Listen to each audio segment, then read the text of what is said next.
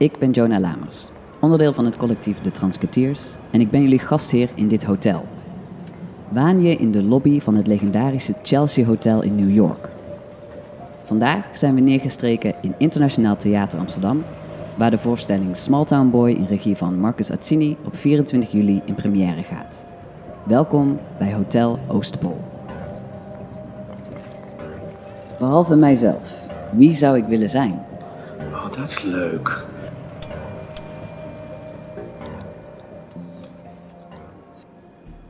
Onze eerste gast in eh, Hotel Oostpol is Marcus Azzini, artistiek directeur van toneelgroep Oostpol en regisseur van Small Town Boy.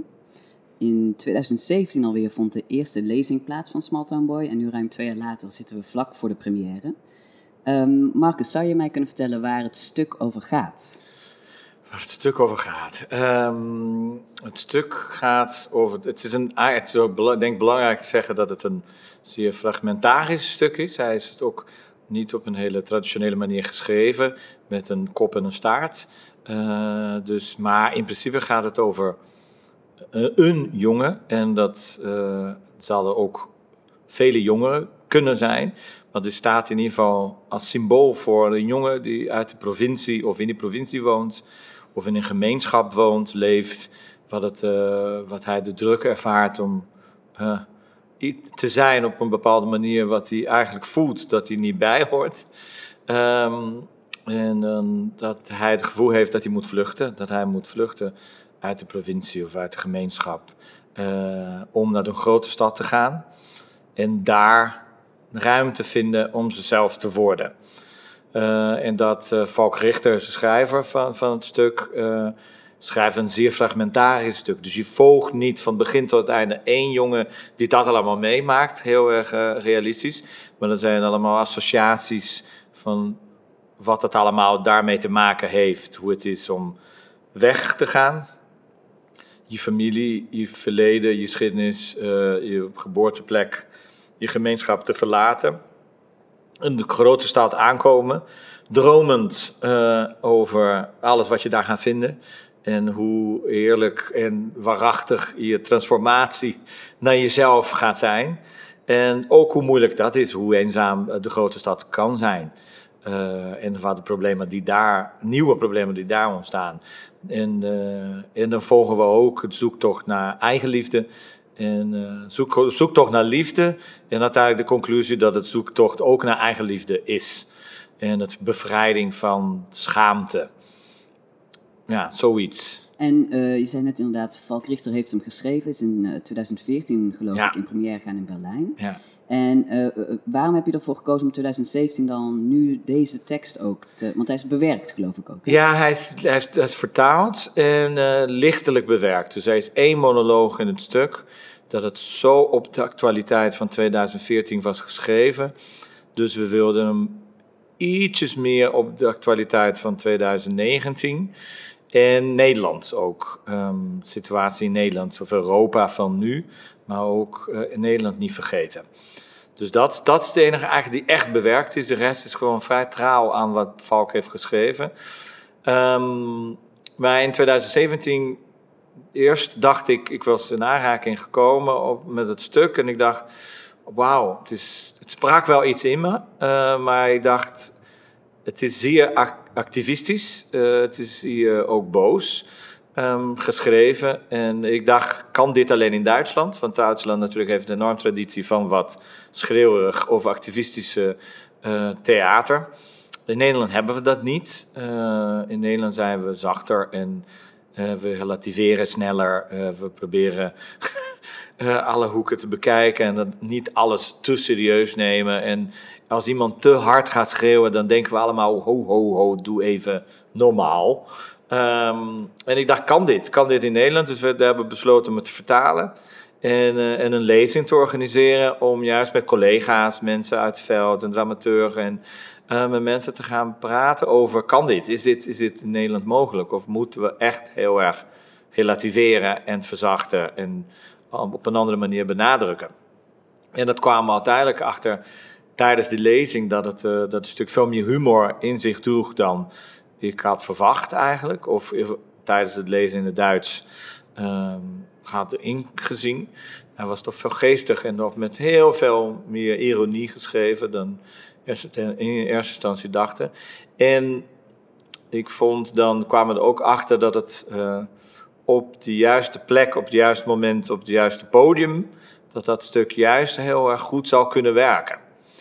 En nu heeft zich dus de gelegenheid ingediend dat het we gewoon in Amsterdam, op de Leidseplein, tijdens Pride Amsterdam, dat doen, kunnen doen. Ja. Uh, dus ik dacht, ah, dit is perfect. Dat is eigenlijk perfect om heel specifiek voor die tien dagen in Amsterdam dat te gaan maken. En die, die uh, uh, ironie die zit er zeker in, humor zit er ook absoluut in, maar die boosheid die, die, die is ook gebleven. Is daar, is, wat is de functie van die boosheid? Waarom wil je, waarom wil je toch die boosheid behouden? Ja, ik denk dat het, dat, ik vind het heel, heel mooi eigenlijk aan de boosheid van Valk, is dat er heel veel betrokkenheid in die boosheid zit. Dus het is niet een boosheid om het boosheid. Het is niet een boosheid om het gelijk te krijgen. Het is geen uh, afreageren boosheid.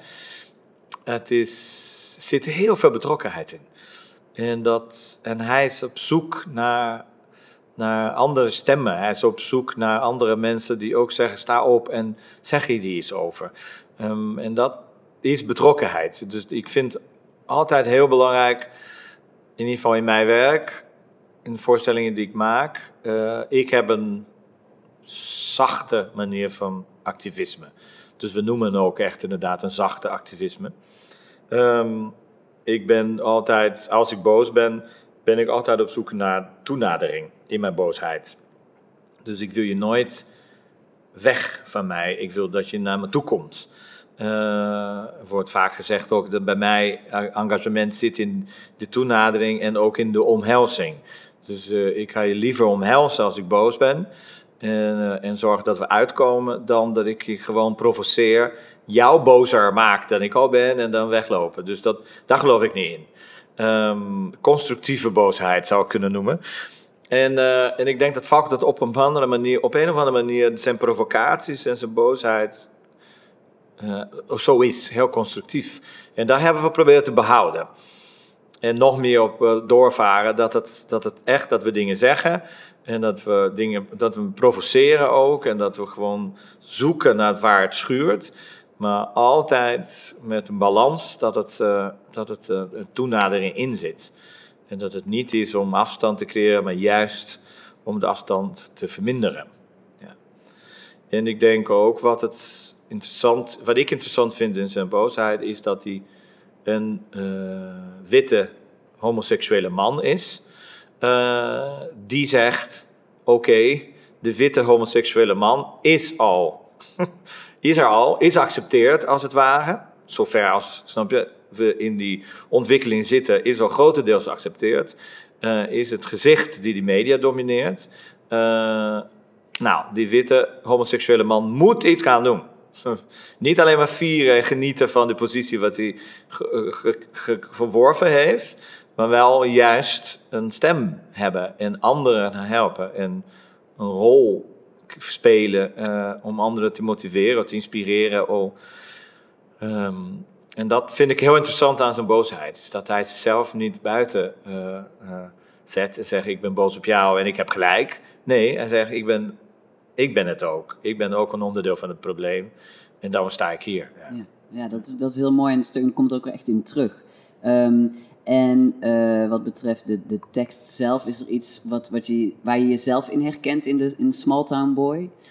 Ik, uh, ik, ben, ja, ik heb mijn land verlaten. Uh, ik herken dat absoluut. naast het feit dat ik en Valk een beetje generatiegenoten zijn, denk ik. Um, uh, herken ik me enorm in het, het, verlaten van mijn gemeenschap, van mijn land. Ik ben, ik ben in Brazilië geboren en op mijn eh, achttiende ben ik daar weggegaan met het idee dat ik gewoon nou, een plek ging zoeken waar ik mezelf kon worden uh, en de liefde vinden. en, en dat proces herken ik heel erg, dat ik liefde wat ik zocht, was waarschijnlijk ook eigen liefde en het, en het bevechten van schaamte dat ik voelde dat ik uh, niet mezelf kon zijn in Brazilië. En dat ben ik gaan doen in Europa. En, ehm, en dan ook tegengekomen hoe, hoe het is om migrant te zijn in Europa. Dan komen andere problemen bij. Eigenlijk in die zoektocht om jezelf te worden. Maar ik zeg vaak dat ik eh, ben gevlucht, inderdaad. Toen dacht ik, toen zou ik het niet zo genoemd hebben. Maar ik ben wel gevlucht om mezelf te worden. Seksueel te ontdekken. Want ik had het gevoel dat dat in Brazilië niet zou uh, kunnen. Dus uh, ik ben daar wel achteraan gegaan, ja. ja. Ja, dus meerdere lagen van herkenning in het, uh, in het stuk. Zeker. En, en, ik ben ook een witte man. wel een migrant, maar ik ben ook een witte homoseksuele man die, uh, die een podium heeft. Um, en ik draag die verantwoordelijkheid wel echt heel erg, ja. Ik vind het heel, heel belangrijk om, uh, om de risico te nemen om dit podium te gaan staan en toch te gaan zeggen: wij gaan hier iets over zeggen. uh, luistert even, alsjeblieft. Ja. ja. Dus Small Town Boy pakt het podium tijdens de Amsterdam Pride. Uh, Zeker. Tien voorstellingen geloof ik? Tien voorstellingen, ja. ja. En van eind juli die 23, nou 22 juli geloof ik tot 3 augustus. Dus dat zijn echt vijf dagen in de week, die twee weken van Pride. En de laatste voorstelling is de, na de bootparade. Wie niet dronken is, kan nog even de laatste voorstelling nog meepakken. En Valk komt, hoorden we deze week ook. Valk Richter komt ook op de laatste dag. Okay. Dus ik denk dat hij komt ook de bootparade pakken. en dan komt hij wel naar de voorstelling uh, zaterdag 3 augustus. Ja. Oké, komt dat zien. Ja. Smalltown Boy.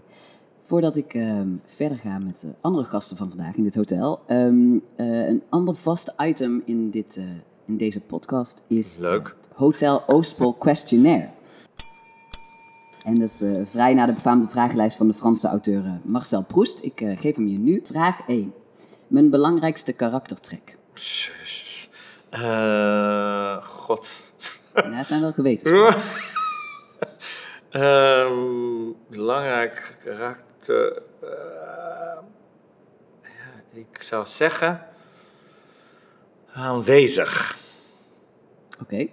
In alle betekenis van het woord. Ik ben er. Ik neem ruimte. Ik heb vol geluid. Maar als ik in contact met jou ben, ben ik er ook echt. Ik probeer echt aanwezig te zijn in het moment. In het ervaren dat we nu hier zijn. Ik ben nooit, als ik met jou bezig ben, ben ik nooit bezig met het morgen. Probeer in ieder geval. Ja, ik ben echt bezig met het nu, dus aanwezig. Vraag 2. Mijn favoriete eigenschap in een mens? Oeh.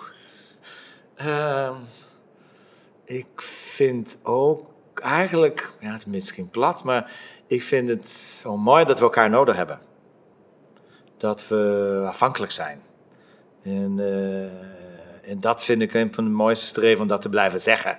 Dat mensen moeten niet te hard vechten voor autonomiteit of om het alleen proberen te doen, want dat is onzin. We hebben elkaar echt nodig. En ook in het fysieke, we hebben elkaar ook fysiek nodig. Dus dan vindt seksualiteit zo'n belangrijk element van mens zijn. En zo lekker ook dat we elkaar ook fysiek nodig hebben. Dat baby's minder snel groeien of minder beter ontwikkelen als ze geen lichamelijk contact hebben met hun ouders. Ik vind, ah, waanzinnig aan de mens dat we echt fysiek nodig, elkaar nodig hebben.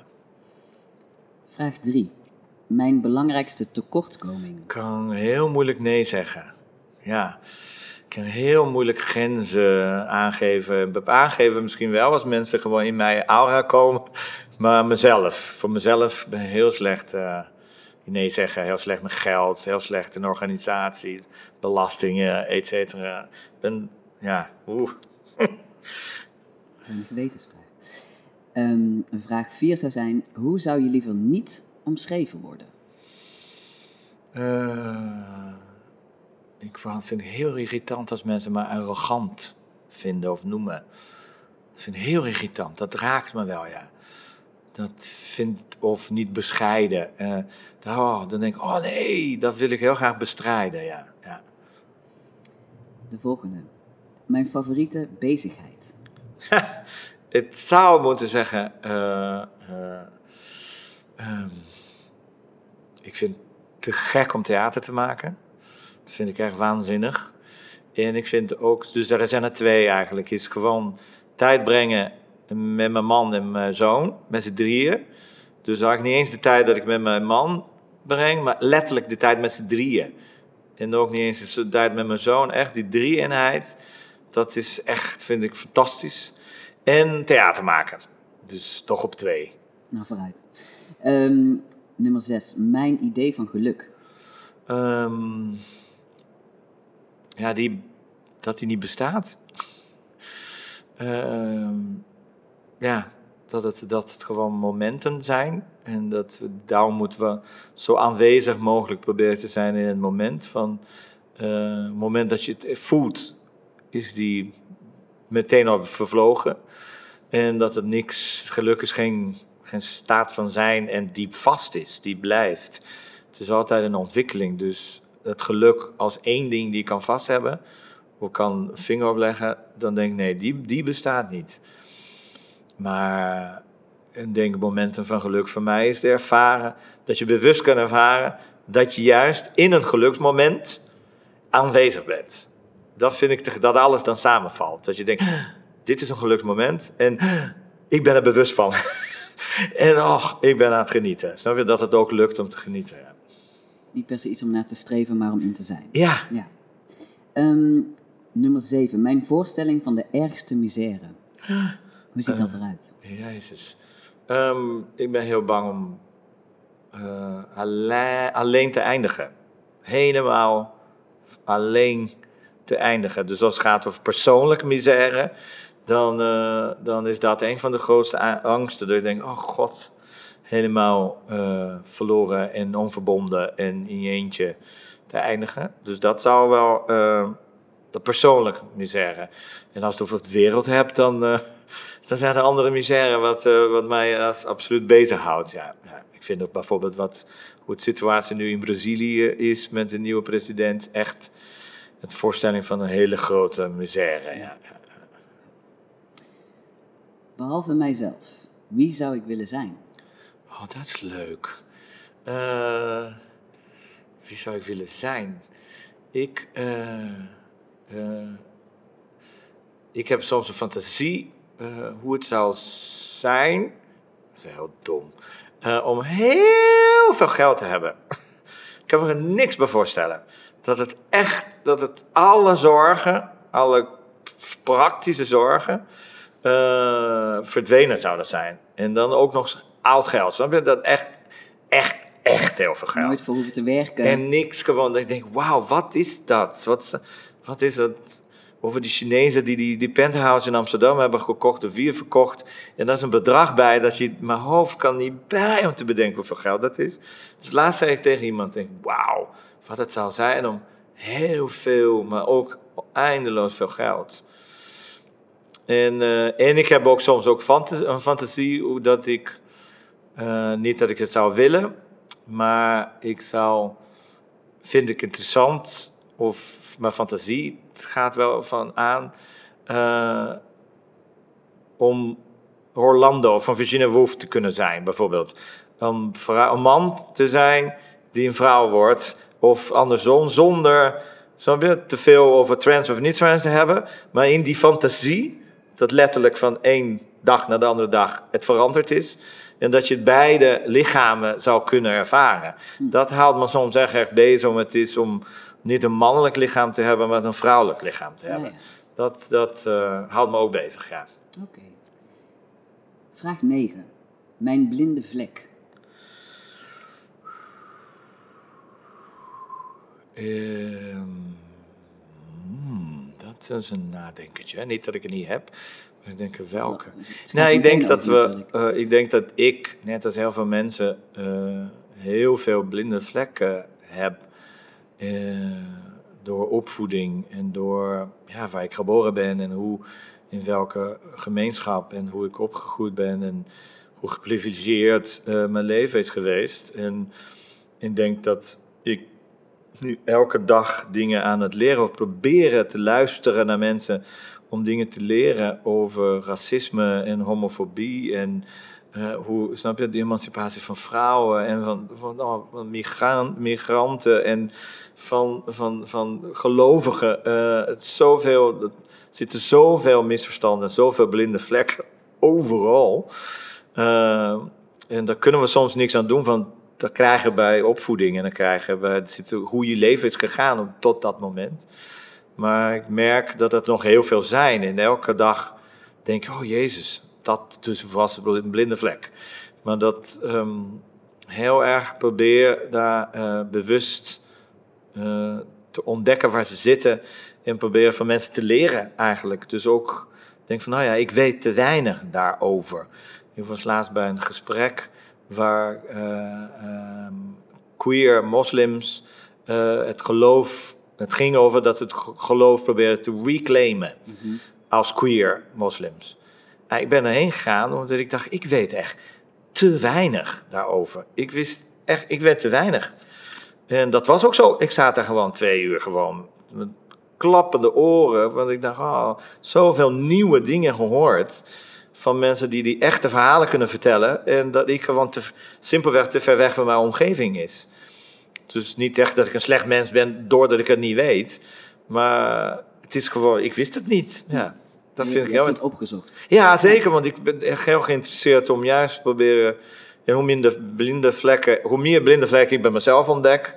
hoe meer ik daar iets mee kan doen met het podium die ik heb. Ja. ja. Vraag 10. Mijn grootste angst. Ja, dat zei ik net. Ik denk alleen, eh, helemaal alleen eindigen. Dus dat je gewoon echt ineens denkt sta hier alleen. Uh, terwijl ik ben iemand die heel erg goed oplaat als ik alleen ben. Mijn, eh, mijn oplaadmomenten zijn echt momenten dat niemand mij nodig heeft en ik alleen thuis ben. Uh, laat ik echt super sneller op. Maar dat is de grootste angst, denk ik. En ja, en vanaf het moment, dat weten jullie ook uh, vanaf het moment dat, dat je een kind krijgt, daar komt een heel nieuwe laag angst bij. Uh, die ik helemaal niet ooit dacht dat ik zou hebben. En uh, een soort nachtmerries en angstbeelden. En dat heeft allemaal tot betreft mijn, mijn, zoon. Dat, hem zou iets overkomen. Of dat hij ongelukkig wordt. Of snap je, een kutleven krijgt. Of wat dan ook. Dus dat, daar, daar speelt veel, ja. Maar ik ben niet zo'n bang iemand. Ik ben ook niet echt extreem bang van de dood of zo. Um, ik denk, ja, we zijn hier en we gaan op een bepaald moment allemaal wel. en, uh, ja. ja. dat uh, kunnen we niet zoveel aan doen. Ja. Nou, in, iets luchtiger dan zo, ja. halverwege. um, mijn favoriete maaltijd en drank? Ja, dat heb ik dus niet. Ik zeg, Hugo, mijn zoon, die vraagt dat heel vaak, vroeger zeker, wat is je favoriete kleur, wat is je favoriete eten? En ik heb het niet zoveel. Uh, ik heb het niet echt kleur of muziek of film, dat moet ik dan te lang nadenken. Uh, maar uh, ik hou wel uh, van. ik ben echt Braziliaans. Dus je, je kan me wel wakker maken van een barbecue. Maar dan op de Zuid-Amerikaans barbecue. Helaas, sorry voor, die eet, voor de niet-etende vleesmensen. Um, maar dat, ja, van barbecue, van Braziliaans barbecue mag je me wel echt altijd wakker maken. Wordt er nog een, een Braziliaans drankje bij? Ja, daar wordt er vaak bier bij gedronken of caipirinha. Uh, en, uh, en hier zou ik zeggen dat gin tonics wel uh, een van mijn favoriete drankjes is, ja. Misschien een lastige vraag 12, ja. maar mijn favoriete literaire held, auteur of personage? Ja, dus dat, ineens, ik heb ik Orlando genoemd. Ja. Dus ik denk, dus onbewust is die naar boven gekomen. en Virginia Woolf ook. Um, maar dat is het ding dus bij mij. Ik, ik wissel het heel erg af. En uh, ik, heb een, ik ben niet iemand die heel lang blijft hangen bij een idool of bij één iemand. Uh, maar, uh, dus daar zijn er te veel uh, qua literaire. Dus personage vind ik eh, Orlando wel echt, echt een personage die mij echt aan, altijd blijft hangen. Ja. Hm. En ik heb de voorstelling ook voor een bewerking van Orlando ook op toneel gedaan, jaren geleden. Dus dat is ook een van mijn lievelingsvoorstellingen van van mijn carrière ook. Um, dus ik vind Virginia Woolf ook echt fantastisch. Ja. En ik ben ook een groot fan van Michael Cumming. En, en um, ja, dus um, dat. Nou, dat vind ik een, een goed antwoord. ik mag er natuurlijk verder niks over zeggen. uh, vraag 13. Mijn favoriete schilder? ja, ik... Uh, uh, ja, ik ben opgegroeid in Brazilië altijd met het gedachte dat het alles wat in Europa gemaakt werd beter was. Hè? De oude cultuur, de oude wereld. Eh, dus ik, ik weet nog heel goed de allereerste keer dat ik een Van Gogh heb gezien in Londen. Want dat was de eerste plek waar ik gewoond heb. eh, in de National Gallery. Eh, en dat ik zo hard moest huilen bij die zonnebloemen. Want ik had het alleen op boeken, op papier gezien. En toen niet eens online, hè, want het bestond nog niet. Eh, dus dat was de eerste keer dat ik dacht: oh ja, nu ben ik zo dichtbij zo'n werk. En ik heb een zonnebloem eh, eh, in mijn hand getatoeëerd en een Gauguin's toe van Van Gogh ook op mijn arm getatoeëerd. Dus je zou kunnen zeggen dat Van Gogh wel aanwezig is in mijn Ja. leven. Ja, ja. En mijn vriend is ook echt dol op Van Gogh. Ja, ja. Hm. Toch een Dus- favoriet dan. ja toch wel, ja. Ehm, vraag 14. Welk album staat op repeat in mijn hotelkamer? Oh ja, ja, dat heb ik dus ook niet. Geen Eh, huidige... Nee, ik ben ook niet zo'n de, de hele tijd de muziek aan moet staan. Hmm. Mijn vriend wel. Eh, die, die, die, die zet de muziek aan thuis en dan laat hij de hele dag aan. Eh, playlists en zo, dat heb ik niet. Ik heb wel soms dat ik dan iets op repeat blijf op het moment dat iets in een voorstelling komt of in betrekking tot iets, dan blijft dat ding terugkomen. Eh, en, eh, en Hugo, mijn zoon, heeft dat ook. Die zet muziek ook aan. Nu, vaak 's ochtends is dat gewoon eh, meiden, meiden, meiden, meiden, meiden. Vermeren wel aan in de 's ochtends. Maar daar heb ik niet zoveel, nee. Oké. Het wisselt heel erg, ja. ja. 15. Mijn grootste held in het echte leven. Dat was mijn broer. Eh, ik, heb een, ik, ik heb een oud- oudere broer die 11 jaar ouder was eh, dan ik. En, eh, en die is acht jaar geleden overleden. En die is echt, denk ik echt, als we het gaan hebben over een held. mijn broer was groter dan Bowie. En die is echt, die is echt mijn held geweest. En mijn vriend en mijn vader. En de- die heeft zoveel verschillende rollen te, vervuld. En later toen we allebei volwassen zijn en gewoon echt, echt vrienden. En ehm, die mis ik ook echt eh, dagelijks. Zo, eh, zo jammer dat, dat, dat hij er niet meer is. Maar dat is wel, ehm, denk ik, een van mijn grootste helden. Ja. En mijn eigen zoon is ook een held hoor. Als ik zie hoe die het doet, hoe die waanzinnig het moderne leven zo aanpakt. En hoe bewust die allemaal dingen doet. En hoeveel verder ze zijn dan ik was op zijn leeftijd. Vind ik een wonder. Echt wonderlijk. ja. 16. Aan welke historische figuur heb ik de grootste hekel? Oh, jezus. ik, heb nooit, ik heb er niemand in een hekel, denk ik. Ik, ik, ik, ik, ben, ik, ik hou geen, geen wraakgevoelens of, of negatieve gevoelens eh, wegens niemand. Eh, ik, en ik hoorde gisteren ook weer zo'n cliché dat iemand zei dat, het, eh, dat wraakgevoelens moet je niet definiëren. Moet je niet definiëren wie je bent. Dat je moet toch een manier vinden. Vergeving is het niet voor de ander, het is voor jezelf. Dus dat geloof ik ook heel erg in. Maar ja, het zijn hele veel boef, er zijn heel veel boeven in de geschiedenis. Dus natuurlijk, eh, die, die eerste die naar boven komt, is Hitler is een boef. Hele slechterik. Dus die, en dan hebben we wel, en dat is ook gek hè, zo hoe je op school geschiedenis leert. Wij, ik, ik heb sch- middelbare school gedaan in Brazilië, dus wij leren heel veel over eh, eh, de geschiedenis buiten Brazilië. Dus we leren heel veel over de Europese geschiedenis. Dus dan is de Tweede Wereldoorlog een heel belangrijk eh, vak, punt, zo in de geschiedenis om te leren. Eh, terwijl wij zelf nog nooit een oorlog hebben meegemaakt. Dus dat is ook ironisch dat we daar zo zoveel aandacht aan besteden aan de Tweede Wereldoorlog. Ook in Brazilië, terwijl wij zelf nooit een oorlog meegemaakt. Ja. Maar heel veel migratie daardoor. En daarom is het belangrijk van de migratie naar Brazilië toe. Is in, tijdens de Eerste Wereldoorlog en dan al helemaal tijdens de Tweede Wereldoorlog heel groot. En ik kom uit São Paulo, dus ik ben natuurlijk ook eh, kind van migranten. Ja. Die door een oorlog uiteindelijk in Brazilië het leven zijn, gestaan, zijn gaan eh, opbouwen. Ja.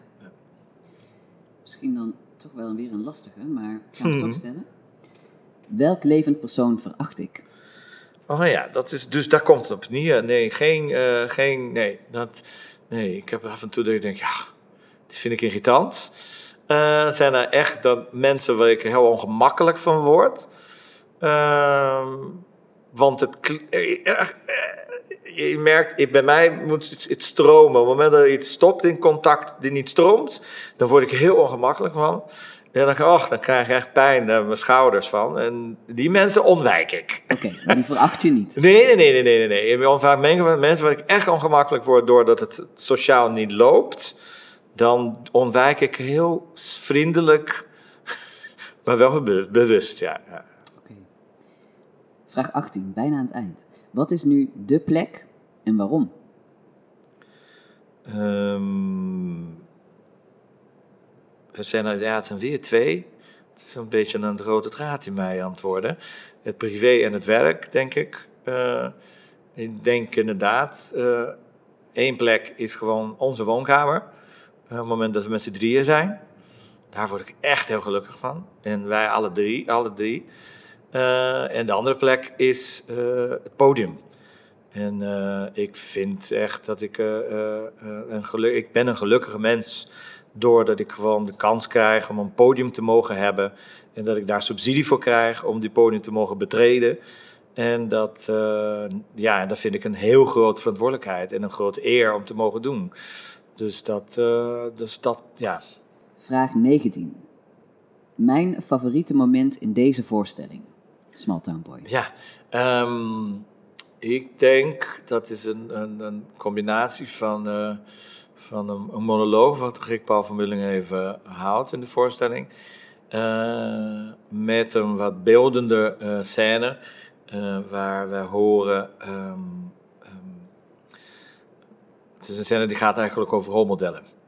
Um, en idolen, of idolen vind ik een verkeerde woord. Ik vind het inderdaad echt rolmodellen. Inspirators.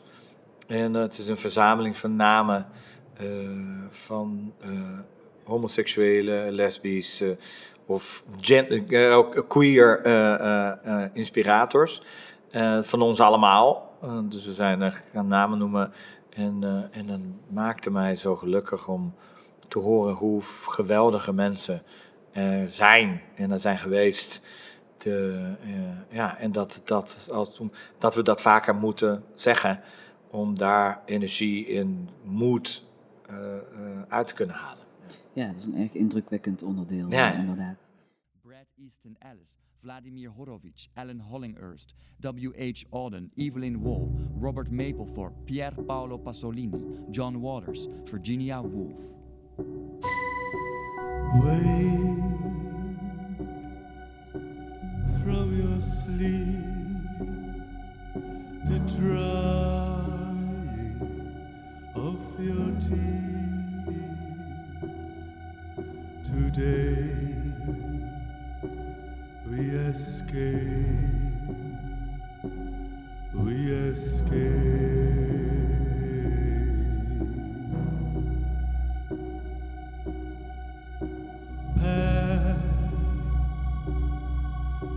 get dressed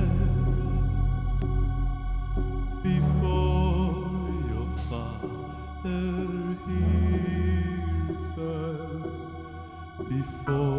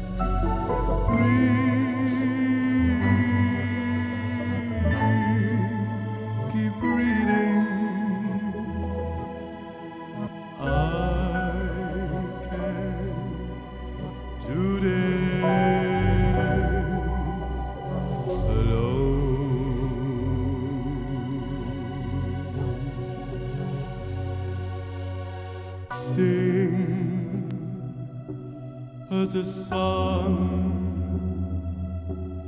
a song to keep us warm. There's such a chill such a chill.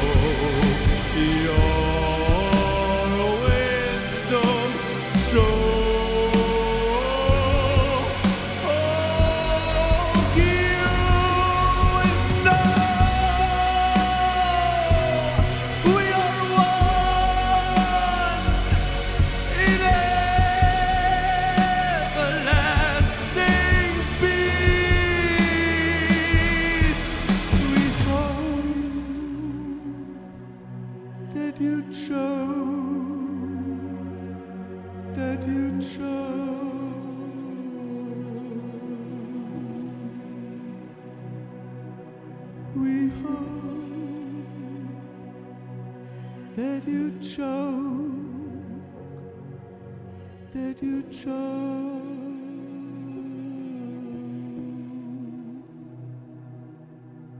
We hope that you chose,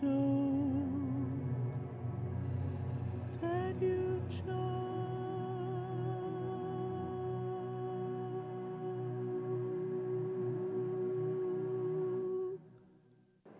De laatste vraag alweer, vraag 20. Mijn vraag voor de volgende gast. Eh, eh, ja, dan ga ik zeggen een hartswens. Eh, dat hij ehm, een, een, een wens uitspreekt. Mooi. Marcus Assini, dankjewel. Graag voor je gedaan. aanwezigheid Dank en je. openheid. Ja, dank. Mooi intermezzo eh, in Hotel Oostpol ehm, eh, zit eigenlijk nu voor mij eh, dichter Open Alkema. En ehm, misschien is het leuk om je te vragen om jezelf voor te stellen. Hoe zou je jezelf voorstellen? Er zijn een aantal running gags als ik mezelf voorstel. Ik, ik werk als PR-medewerker bij Perdu, maar dat noem ik brand manager. Dat is iets waar eh, mensen altijd op moeten lachen. En eh, als ZZP'er noem ik mezelf arti- artistiek entrepreneur. Wat mensen ook heel grappig vinden. Ja, en waarom, eh, waarom de keuze voor die mooie woorden? Ja, dat is toch iets appetijtelijker dan een naturel woord Ja, als dus- PR-medewerker. En, en, mag ik je dichter noemen? Of, Zeker, dat is, zeker. Dat is wel iets wat jou, Ja. Waar, Ja. waar, waar, waar je goed bij voelt. Bij we hebben het natuurlijk een beetje over identiteit. Mhm. Eh, zo, zeker ook in eh, Small Town Boy. Ja. Ehm, weet je, ik, eh, ik laat het aan jou. Ik ben heel benieuwd wat je ons wil vertellen. Las Vegas is een fata morgana. Ik ben opgegroeid in Zoetermeer, dus moest ik het qua spanning en sensatie echt doen met headlines als Mary Kate back to rehab en Paris and Nicole, the battle is on. Vandaag is het leven niet per se gemakkelijker geworden. Alles is voorspelbaar en in scène gezet. Iedereen staat alleen maar in de sportschool en drinkt smoothies. Alle ins en outs, alle do's en don'ts, zeg maar. Bottom line, to care or not to care. We landen keurig op tijd. Een vreemde combinatie van casual over de top, classy en trashy. Meet the boot of the moment, Louis Vuitton's stevige, sturdy stampers. In vrijwel alle uitingen van het leven worden liefdesrelaties vooropgezet. Ik hop liever van de ene trend naar de andere. Mood, Guccify yourself. Critici die beginnen te mopperen, jam shopping. Ouders boor ik een kleinkind door de neus, fake fur. Continue confrontatie met de drietrapsraket, vrijpostig als bomaanslag of inflatie. Keyhole. Sommigen noemen het liefdesverdriet. We beleefden bijna iedere uit de hand gelopen avond. Get into the groove, femininity with a bite. Deze kleine rukker weet te richten. Cherrypicking of cherry popping. Niet alle natuur is goed. What's next? Herwaardering van de Nederlandse cultuur? Gaan we weer. Een nieuwe avant-garde gebaseerd op de ideeën van Theo van Doesburg? Avocado's veroorzaken kanker? Plastic blijft schadelijk, er zijn nog zekerheden. Las Vegas is een fata morgana net als je centen. Klapper de klap galoppeerden mijn Gucci-klompjes over het Milanese asfalt. Ik ben de cosmopoliet uit de bladen, inclusief nonchalant afgezakt schoudertje. Op de catwalk zagen wij tegenover grote, wijde silhouetten rete strakke ontwerpen die als een tweede huid om het lichaam bewegen. Werk uit jouw bundel eh Obelisk. Ja. eh uitgekomen in november 2018. Mhm. En wat ik eruit proef is dat je eigenlijk ehm, aanspoort om niet, niet te braaf te zijn. Klopt dat? Ja. Kan je daar wat over vertellen? Wat, wat, ehm, wat bewoog je om zo te schrijven? Ehm, waarom ik zelf niet braaf Ja, en waarom je dat wil overbrengen ja, ik denk dat het belangrijk is dat mensen gewoon hun ding doen. En eh, daar ook een eigen weg in kiezen. En vaak is het zo, wanneer er een eigen weg in gekozen wordt, dat er toch een bepaalde bravoure en een bepaalde, bepaald soort lef bij komt kijken. En ehm, ja, ik denk dat mensen zichzelf überhaupt misschien iets vaker zouden kunnen uitdagen. Misschien elkaar, jezelf. Daar wil je toe aanzetten. Nou ja, ik weet niet of een gedichtenbundel daar de perfecte, eh, eh, het perfecte kanaal voor is. Maar ehm, dat wilde ik in ieder geval wel overbrengen. Ja, en je en ik bent, wilde ook duidelijk maken dat ik dat voor mezelf doe. ja, want geboren en getogen in Zoetermeer? Nee, Oh, wat dan? in Friesland. In Friesland, kijk. Friesland. Ja, En eh, nu, oh, nu wonend in Amsterdam. in Utrecht. In Utrecht. Ja, Toch nog een grotere stad. Voor een reden? studie. Mm. Ja, Niet het ontsnappen aan en dat heeft ook wel meegespeeld. het kille Friesland. Ja, is ook heel, viel ook wel mee. Maar eh, het, is, eh, het is op veel plekken al gauw te klein. Mm.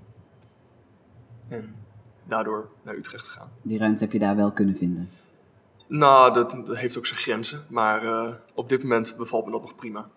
En eh brand manager. Ja. Dat vind ik wel een hele, dat vind ik wel een, een prikkelende titel die je zelf eh, geeft. Mhm. Eh, waarom gekozen voor een mooie niet-Nederlandse brand manager?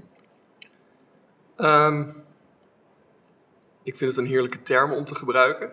Omdat het... het lijkt een soort van opgeklopte lucht. Terwijl het wel gewoon een, een substantiële baan is. En aangezien iedereen eigenlijk een brand geworden is vandaag de dag en op Instagram zichzelf alleen maar aan het promoten is, eh, zichzelf aan het verkopen is, is eh, staat het ook met beide benen in het heden, in het nu. Mooi. Meer werk van Owe lees je in zijn eh, bundel Obelisk.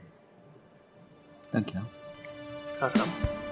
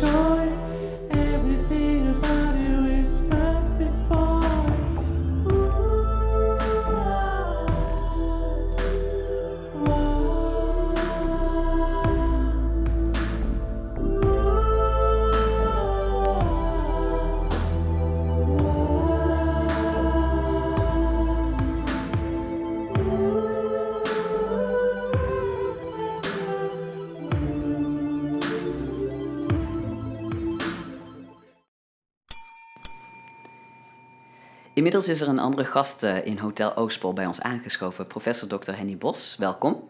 Dank je. Eh, Fijn Bo- om hier te zijn. Ja, ja, gezellig is het. Ehm, Henny Bos heeft veel onderzoek eh, gedaan naar homoseksualiteit onder adolescenten, naar populair verwoord regenbooggezinnen. Ik weet niet hoe je je daarbij bij voelt, bij die term. Mag je voor mij gewoon Ja, gebruiken. Lesbisch ouderschap, ehm, het welzijn van donorkinderen en naar de gezondheid van homo's en lesbiennes. Nu gaat Small Town Boy, eh, dat heeft als overkoepelend thema een vlucht van heteronormativiteit eh, naar, en een zoektocht naar openheid, naar diversiteit, naar jezelf zijn. Zou je om te beginnen eh, kunnen uitleggen wat heteronormativiteit, wat een woord eigenlijk, hè? Ja. eigenlijk is? Ja, dat is een hele goede vraag. Want misschien eh, gebruiken we dat woord wel ooit te pas en te onpas... Ja. zonder dat we weten waar we het nu eigenlijk over hebben. En naar mijn mening gaat het over twee dingen. Eh, ten eerste gaat het over ehm, de aanname die mensen hebben... dat iemand eh, heteroseksueel is... of de aanname dat, van andere mensen dat iemand cisgender is... Oké, wat, niet- Is, wat is cisgender? Cisge- cisgender zijn de personen die ehm, eh, zichzelf identificeren met het geslacht waarmee ze ook geboren zijn. Precies, dus, dus je wordt geboren met een mannenlijf en je voelt je man, of je wordt geboren met een vrouwenlijf en je voelt je ook vrouw. Juist, Ja. ja. Ehm, dus dat, dat de aanname dat iemand heteroseksueel of eh, cisgender is, dat is heteronormativiteit. Maar heteronormativiteit slaat naar mijn mening ook op, ehm, en dat gaat het al meer richting eh, homofobie. Eh, dus homo- homofobische opmerkingen maken. Of opmerkingen maken richting ehm, anti-transgender opmerkingen maken. Ja, bijvoorbeeld, eh, ehm, dat is iets wat ik zeg, zeg maar hier in mijn werk als docent ook wel mee- meemaak. Het gebruik van het begrip of het woord homoseksueel of homo, mietje, pot. ehm, gebruiken als het gaat om negatieve, eh, in negatieve situaties. ja, Dus bijvoorbeeld, eh, ik sta in de lift hier. En er staan een aantal studenten om me heen, die ik verder ook niet kan, ken, omdat het van een andere richting is. En die hebben een tentamen meegemaakt dat eigenlijk niet zo'n, wat ik uit het gesprek opmaak, niet zo'n leuk tentamen is geweest. En dan hebben ze het over een homotentamen. oh wauw. Oké, Een ander voorbeeld. ehm, eh, ik was hier in de kantine, ging eten halen s'avonds. En eh, schijnbaar ging er in die bediening iets niet zoals iemand verwachtte dat het ging. En dan wordt er ook meteen gezegd homo. ja, Eh, dus het, het gebruiken van het woord homoseksualiteit in situaties die mensen als negatief ervaren. precies. Dus kort samengevat, er wordt van je verwacht bij geboorte meteen, je zal wel hetero zijn, Dat is je zal eerste. wel Ja. cisgender zijn. Ja, ja, Ehm, en eh, zo word je opgevoed, Ja. benaderd. ja, Maar het kan natuurlijk zijn op een gegeven moment dat dat niet zo is. ja, precies. Ja. En eh, dan kan je daar last van krijgen. Nou ja, zeer zeker. In die zin van dat je ge- geconfronteerd wordt met die eh homonegatieve opmerkingen in je omgeving. Of met negatieve opmerkingen rondom eh, mensen die eh, niet cis- cisgender zijn. Ja, Ehm, en die opmerkingen die internaliseren we ook. Mhm. En eh, verwachten in feite dat je je constant aanpast aan de situatie op een of andere manier. Dus of, of dat je er tegen ingaat, of dat je je aanpast, conformeert aan de, aan de situatie voor de buitenwereld. En dat kost energie. eh, en ehm, daardoor kunnen mensen zeg maar, ook meer psychosociale problemen gaan ontwikkelen op den duur. ja dus, dus je kan inderdaad echt last hebben van die heteronormativiteit. Zeer zeker. En dat zien we ook uit alle onderzoeken, zien we dat constant terug. En dat zien we terug hier uit internationale onderzoeken, maar we zien het ook terug in Nederlandse onderzoeken.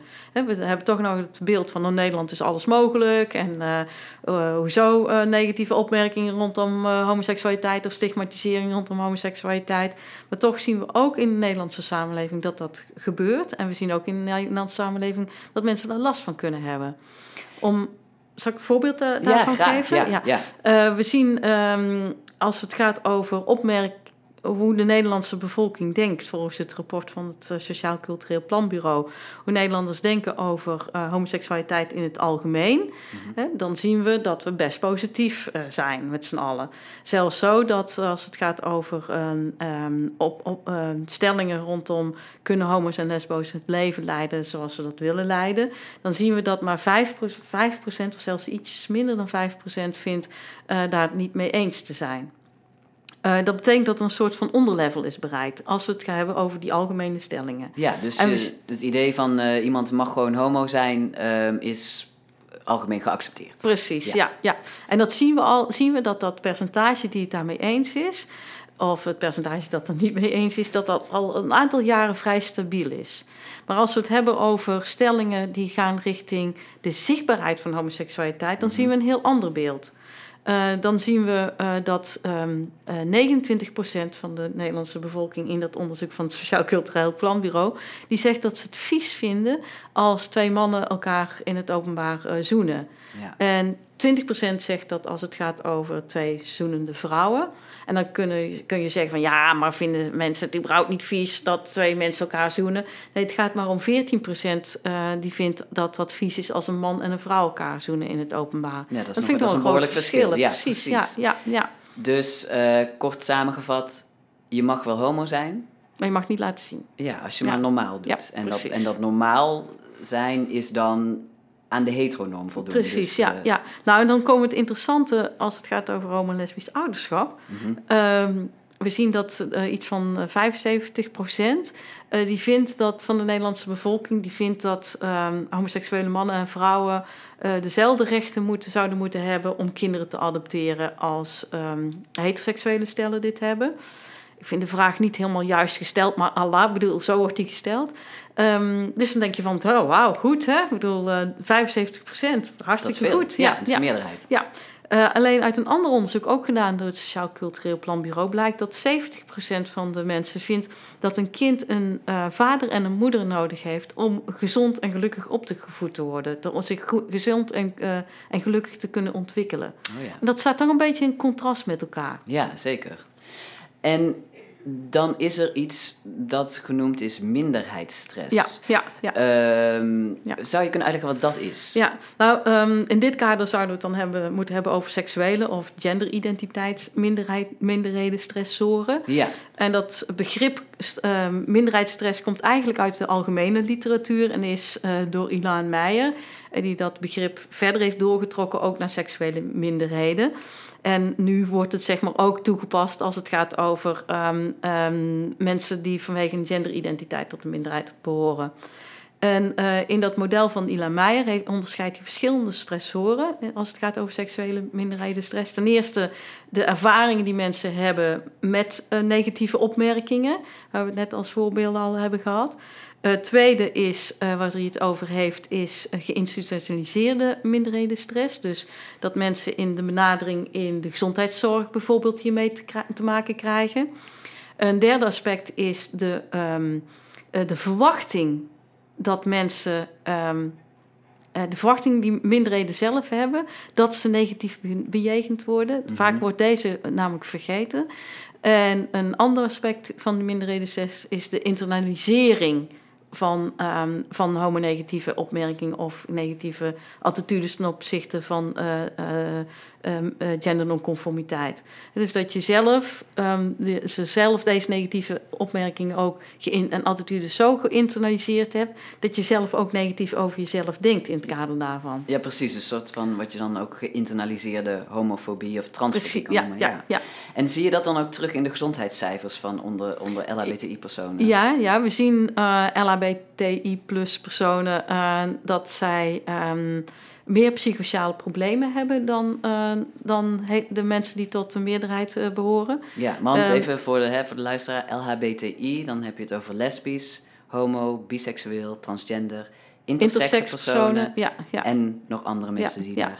Intersexpersonen weten we nog minder eh, van, zeg maar, als het om de gezondheidsproblematiek gaat. Ja, Maar als we bijvoorbeeld kijken naar eh homo-jongeren, eh, dan zien we dat de suïcidecijfers onder homo-jongeren ehm, vijf keer hoger zijn dan onder de heteroseksuele jongeren. ja. En als we het kijken onder de transjongeren, dan komen we zelfs erop, ik geloof dat het een percentage is van 7 à 8 keer hoger is dan onder cisjongeren. ja en dat vind ik toch, vind ik echt dat, dat we er iets mee moeten, want dat zijn niet zomaar cijfers. Nee, Eh, we weten uit een onderzoek wat het eh, Sociaal Cultureel Planbureau een aantal jaren geleden heeft gedaan, ook dat eh suicidaliteit eh, voor homojongeren ook juist samenhangt met ehm, het ervaren van pesterijen op scholen in het algemeen.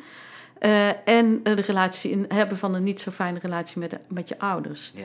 Dus die, eh, met name zeg maar, die omgeving voor deze jongeren, en zeker op scho- scholen, is echt onveilig. Ja. En daar moeten we gewoon, daar moeten we onze verantwoordelijkheid in nemen en iets mee doen.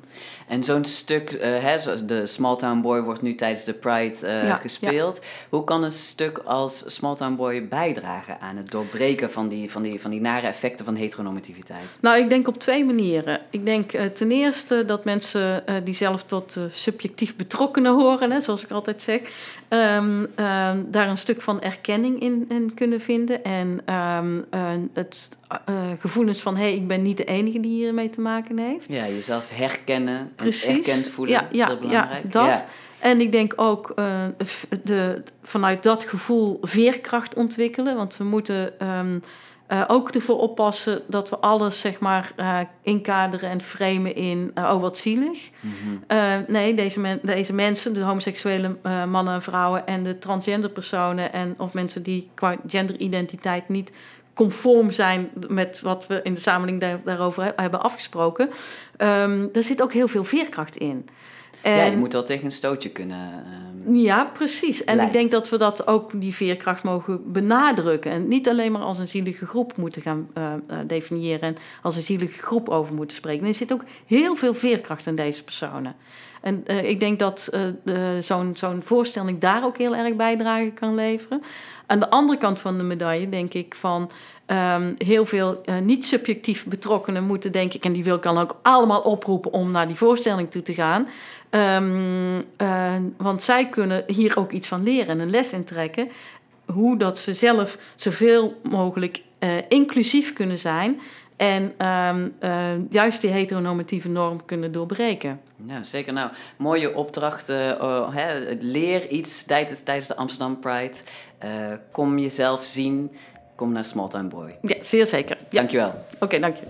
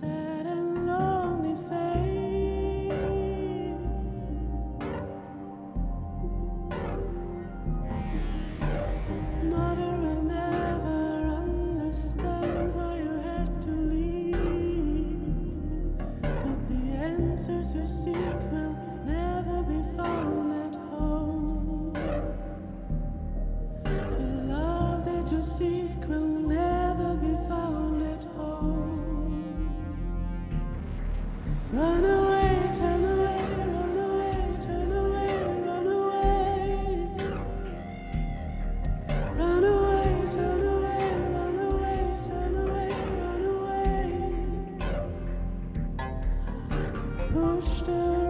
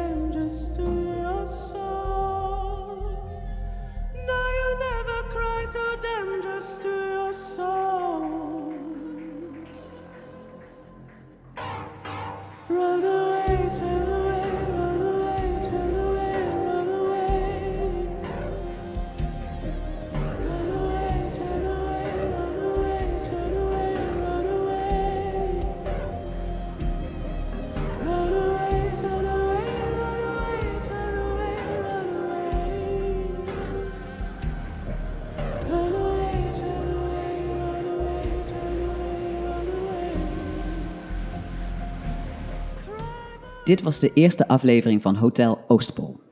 Volgend seizoen strijkt ons hotel neer in verschillende steden en gaan we live opnemen. Je bent dan van harte welkom om aan te schuiven. De eerstvolgende aflevering wordt opgenomen op donderdag 3 oktober na afloop van de voorstelling allemaal mensen Ubuntu in Theater aan het Spui in Den Haag. Hotel Oostpol is een samenwerking van toneelgroep Oostpol, de Transketeers en programmamaker Daniel Kieft. De muziek die je hoorde was van Bart Reining en de zang van Abel Benjamin Meijerhagen.